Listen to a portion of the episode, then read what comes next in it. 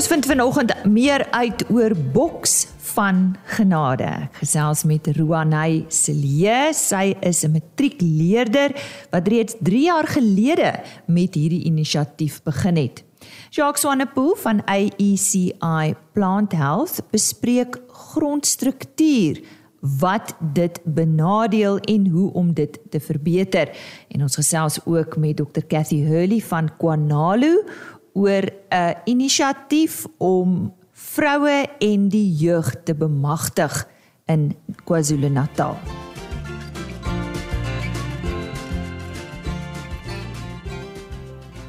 My naam is Lise Roberts en hartlik welkom vir oggend by nog 'n aflewering van RSG Landbou. Eers landbou nuus 'n besproeiingsboer van die Douglas omgewing in die Noord Kaap, Gerard Bruwer is as die Toyota SA Agri SA jongboer van die jaar aangewys. Gerard het saam met jongboere van ander provinsies deurgedring na die nasionale ronde wat verlede week tydens 'n glansgeleentheid in Kempton Park aangebied is. Beverly Joseph is by dieselfde geleentheid as die New Harvest boer van die jaar gekroon en Beverly is deur Optimal Agricultural Business Systems vir hierdie toekenning genomineer.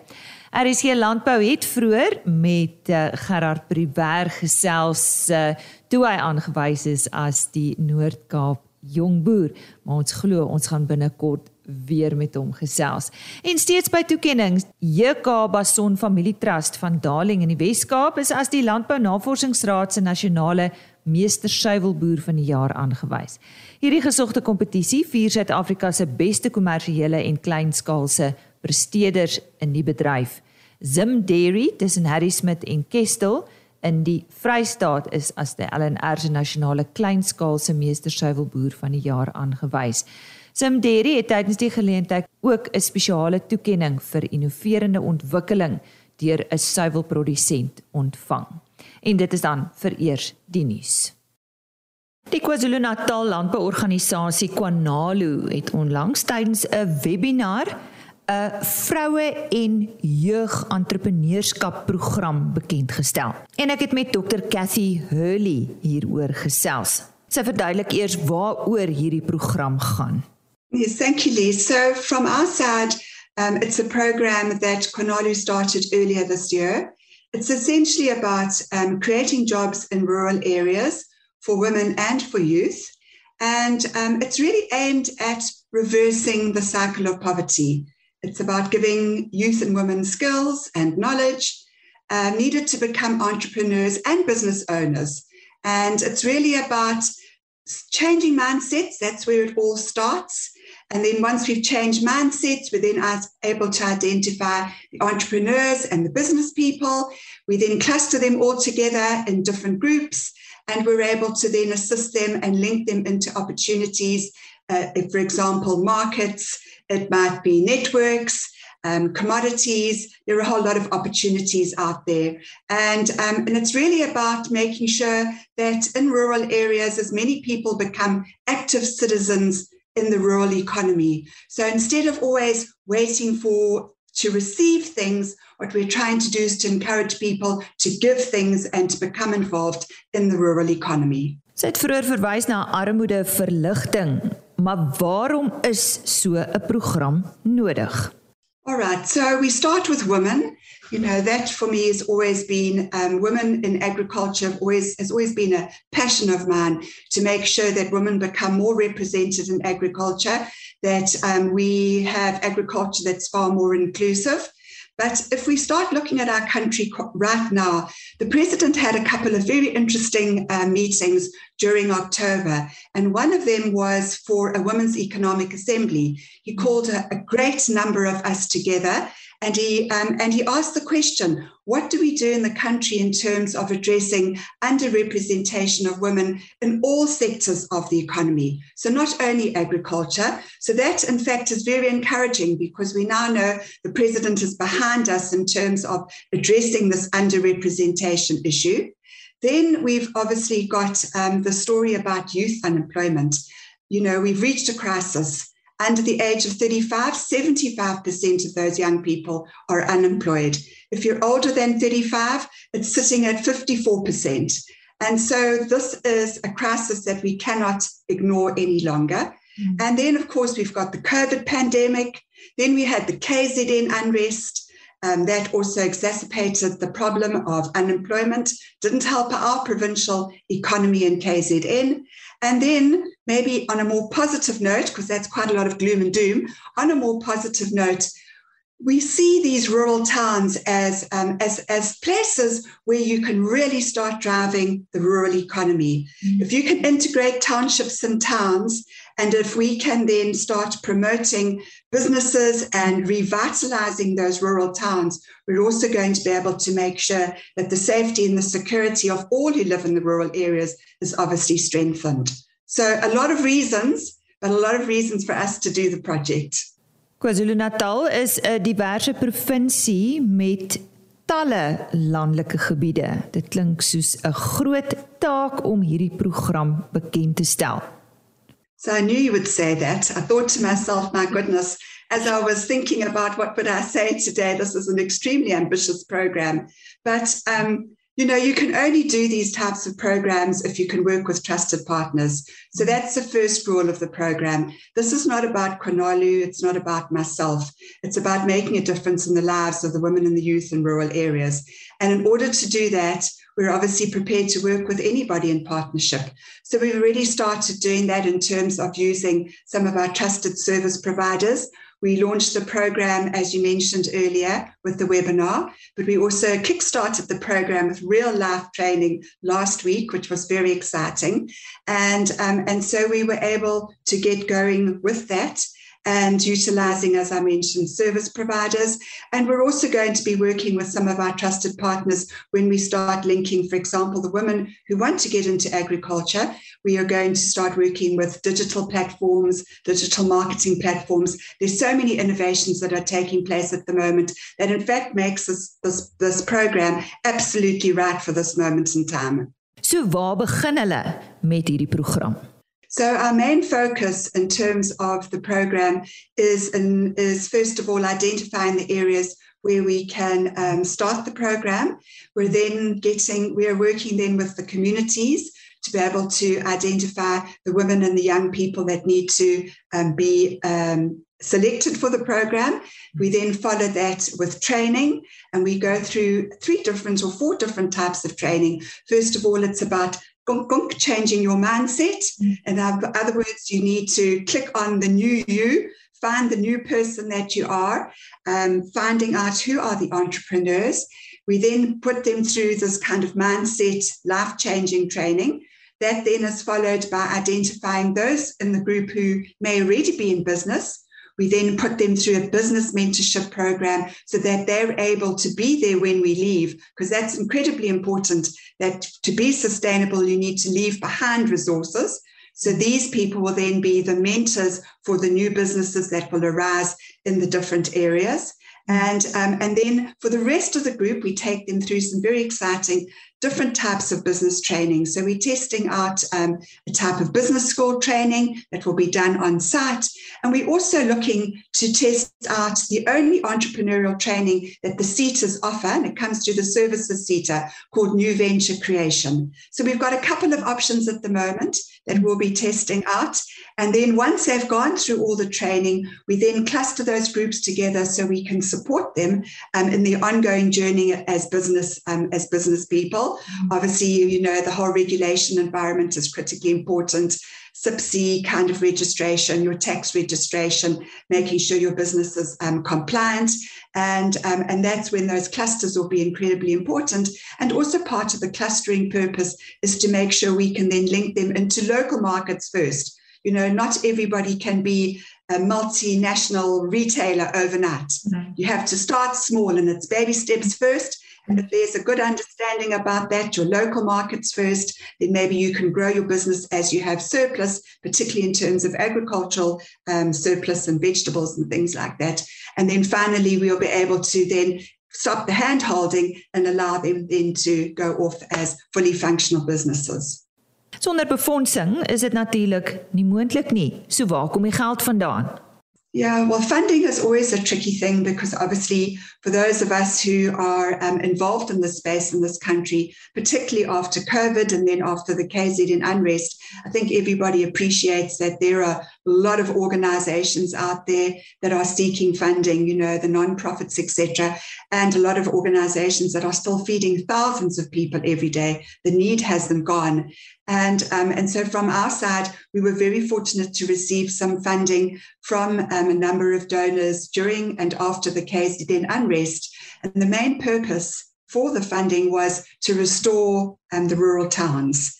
And so it fitted precisely into where we are with our women and youth and rural entrepreneurship. But we are um, in, in some late processes in terms of application for funding with other organizations. And I continue to talk to many organizations, whether they're local or international, trying to raise funds because the biggest problem that, we'll, that we all face is that you know you can deliver a program you can only deliver it in a certain area but the need, as you mentioned, as you introduced our discussion today, KwaZulu-Natal is a very big province. And as you drive into every one of our back roads behind our national freeways, you understand the rural areas and the number of people who live in our rural areas in our province. So we're certainly hoping that we'll be able to keep duplicating this program and pick up the need in a number of these rural areas, and that the funders will be generous. And of course, funders need to see delivery and um, and we're very focused as well on impact. And so, um, just uh, just the first part of this program, we are um, estimating that we'll be able to create 700 jobs. The president's looking for 8 million, but um, I can very politely start with 700. So we've got 700 jobs, and then of course 700 jobs. Then I mean 700 businesses can then translate into three and a half thousand jobs three and a half thousand jobs into 35,000 livelihoods that are protected. And then from um, a government point of view, that then gives us about 1.75 million rands worth of value to the rural economy. And, um, and that's really where we see our impact being felt in, um, in KZN. And then obviously, if we're able to duplicate the program, I've had queries from the Eastern Cape already, we'll be able to do similar things in the provinces around us.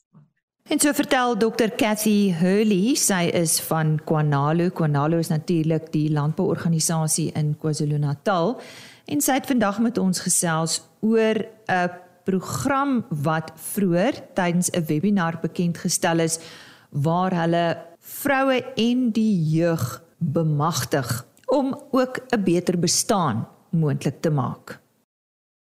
Soos beloof gesels ons vandag met AECI Plant Health en onder meer met Jacques Swanepoel, hy is tegniese adviseur vir die Limpopo en Mpumalanga streke. Ons praat oor grondstruktuur. Wat benadeel grondstruktuur en hoe kan ons grondstruktuur ook verbeter? Jacques net eers Wat is grondstruktuur en hoekom is dit krities dat landbouprodusente dit bewaar? Goeiemôre. Moralise, ja, grondstruktuur is die aggregasie van primêre gronddeeltjies, naamlik sand, sluk en klei. Nou hierdie is 'n definisie wat geen bekendstelling nodig het. Ons leer dit al van laerskooljare af en al die voordele wat dit vir ons kan inhou, maar ongelukkig het bitter min produsente die erns daarvan besef en die gronde is maar redelik swak onderhou. Gelukkig het daar onlangs 'n draaipunt in ons industrie plaasgevind terme soos bewaringslandbou en grondgesondheid is deesdae groot besprekingspunte tussen boere en dit maak ons opgewonde. Nou die boonste 30 cm van die grond is waar die meeste biologiese aktiwiteite plaasvind en dit is veral daardie organiese sone wat baie mooi opgepas moet word. Verbeterde struktuur sal lei tot verhoogde grondvrugbaarheid, beter deurligting asook beter waterhouvermoë. Dit sal verseker dat water effektief kan infiltreer Gronderosie sal ook tot 'n groot mate bekend word. Grond en water is twee baie skaars hulpbronne en ons kan nie bekostig om daarmee te mors nie. Jacques, maar watter faktore kan grondstruktuur benadeel?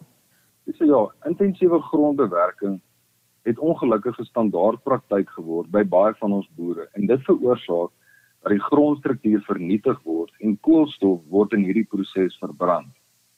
Dan spoorverkeer met verskeie implemente veroorsaak ook dat die makroporee in die grond saamgepers word en dit lei tot fisiese grondkompaksie.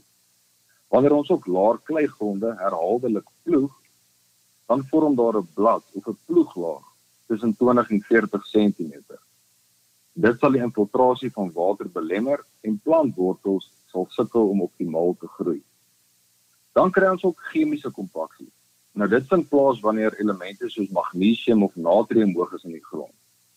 Beide elemente is baie swak grondflokkulante.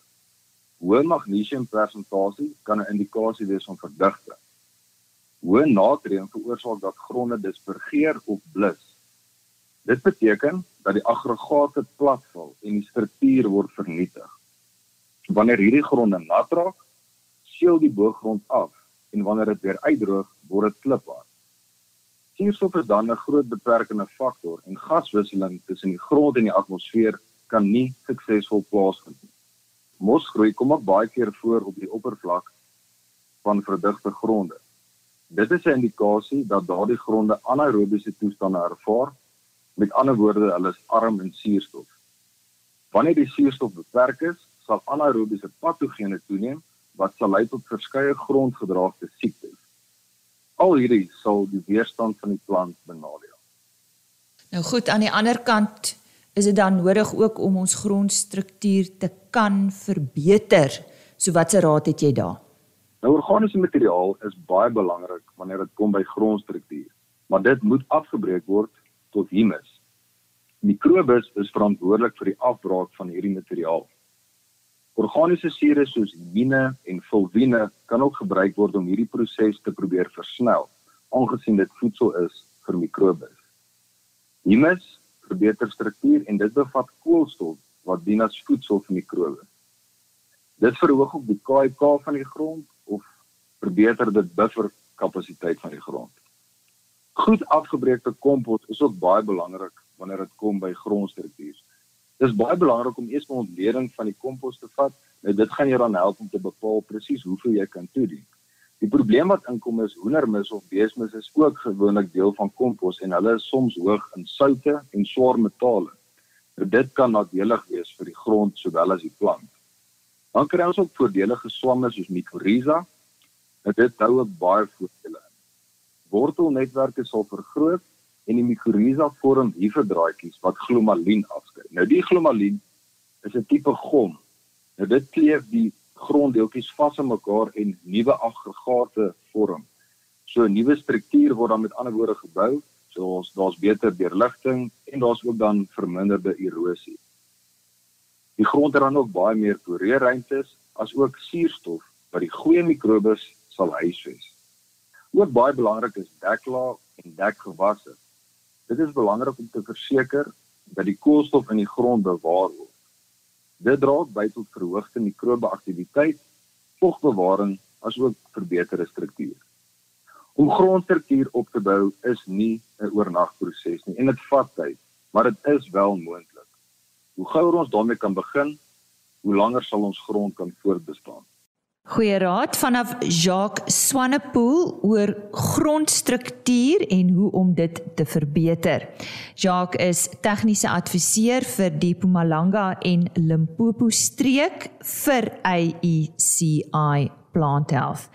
Vir meer inligting, besoek gerus hulle webtuiste www.aeciph.com of kontak jou naaste AECI Plant Health gewas adviseur. Ek gesels nou volgende met Roanay Silje. Sy is 'n matriekleerder daar op Kroonstad tans besig met haar eksamen. Ons wil sommer vir haar baie sterkte toewens, maar sy vertel vir ons van haar inisiatief Bokse van Genade. Nou as ons so iets hoor en dink ons maar aan uh aan die droogte en uh, die hulp wat so nodig is in verskeie dele van ons land. Roanay, welkom by RSG Landbou. Vertel eers vir ons kortliks, wie is Roanay Slee? Eerstens wil ek net sê baie dankie vir die geleentheid om te kan praat en baie dankie vir die start met die eksamen. Ek dink elke matriekleerder kort dit in hierdie tyd waarin ons vandag is.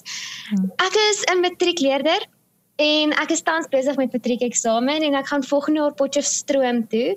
En daar gaan ek my passie vir mense net verder uitlewe. Hmm. Ehm um, ek is ook 'n plaaskind, so dis waar die plan vandaan gekom het om plaaskinders ook te help. Mm. En ek weet ook hoe dit voel om 'n droogte te hê en al sulke goed in die land. Mm. So ja, hierdie idee vir bokse van genade, hoe het dit nou ontstaan? En en wat is dit? So bokse van genade het twee afdelings. Dit is 'n familiepakket wat jy kan bou en daar's 'n kinderpakket wat ons het. So hmm. hoe dit werk is jy pak 'n boks met skryfbehoeftes en benodighede en badkamernodighede vir 'n kind of jy pak 'n huishouding boks vir met nie bederfbare produkte en ehm um, ook badkamergoeders vir 'n huisgesin.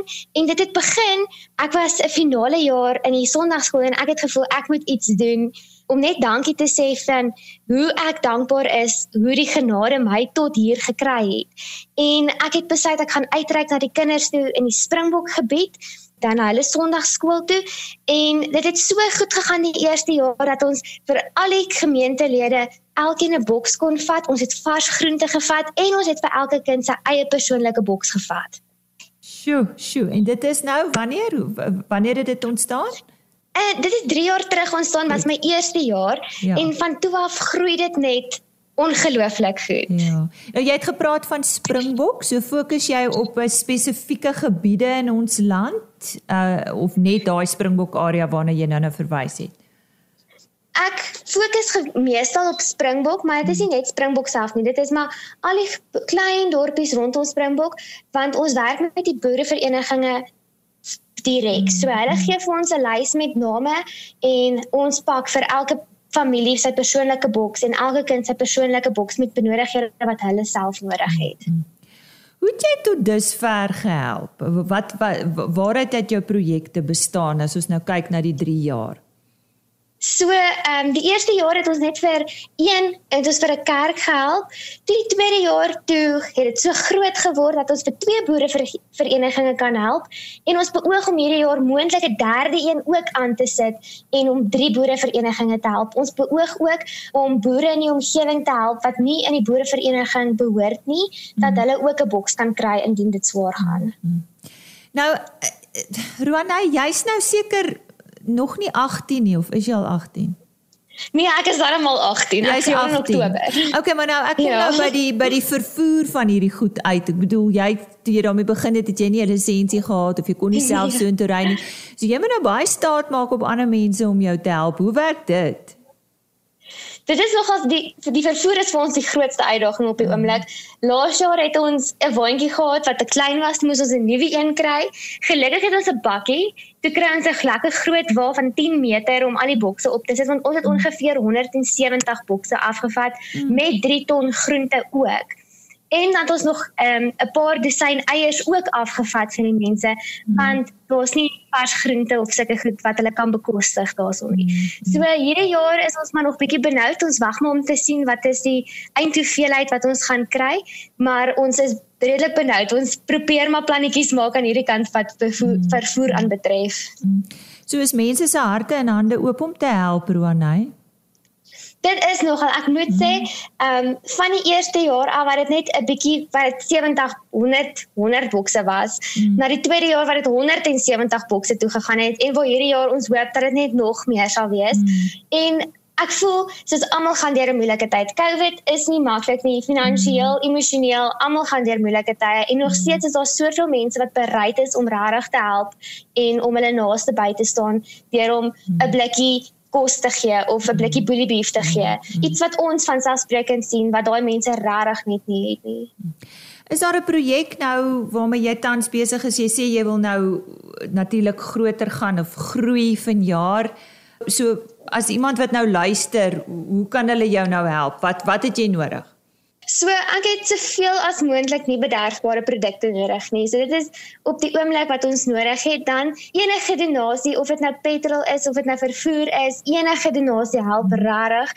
En ons probeer soveel as moontlik skryf benodighede en tasse ook afvat omdat die kinders regtig sukkel met sulke goed ook. Hmm. Daar's daar's nie geld vir kos nie. So 'n tas en 'n pen kom maar laaste op die lys by die inkopie mm. by die inkopiewinkel. Mm. So ons probeer regtig van kos tot penne mm. en tot spuitgoed probeer ons mm. regtig almal alles dek om te kan help. En hoe kan mense met jou in verbinding tree wat graag sal wil help? Uh, moet hulle vir jou 'n e-pos stuur, 'n WhatsApp stuur?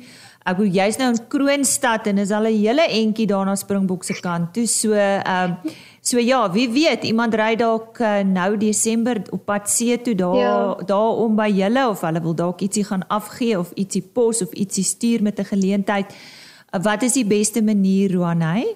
So ons het drie verskillende maniere wat jy met ons kan kontak maak. Ons het 'n selfoonnommer wat 064 306 8127 is. Dan het ons 'n e-posadres wat bokse van genade@gmail.com is en dan ons 'n Facebookblad wat bokse van genade is. So en op die Facebookblad is word al ons bedrywighede en al ons goed wat ons inkry en hoe vorder ons word als daarso opgesit en alles wat jy wil weet is ook op die Facebookblad en al die kontakbesonderhede ook. Ja, dit klink heel maklik. Bokse van genade @gmail.com of by gmail.com. Kom ons sê dit baie mooi in Afrikaans. En uh, ek het probeer om daai selfoonnommer vinnig neer te skryf vir Roanay. Is dit 0643068127? Is ek reg? Dis 100% korrek. Ja, so dit is dan bokse van genade 'n wonderlike projek wat 'n baie jong dame begin het 3 jaar gelede Sy is nog steeds op skool en dit het gegroei van krag tot krag. So indien jy graag wil help, sy sê hulle het 'n Facebookblad, Bokse van Genade. Ek herhaal weer daardie e-posadres Bokse van Genade by gmail.com of 064 306 8127. En soos sy sê, enigiets is welkom. Dis tyd om te groet. Baie dankie dat jy ingeskakel het vir RSG Landbou vir oggend op 24 November. Dis Woensdag en môre oor 'n maand is dit Kersfees. Kan jy dit glo? Hierdie jare darm maar gevlieg ten spyte van alles waardeur ons is. Wonderlike dag vir jou verder en eh, voor ek groet net weer ons webtuiste www.agriorbit.com en ons e-posadres rsglandbou@plaasmedia.com www.rsg.co.za. RSG Landbou is 'n plaas media produksie met regisseur en aanbieder Lize Roberts en tegniese ondersteuning deur Jolande Rooi.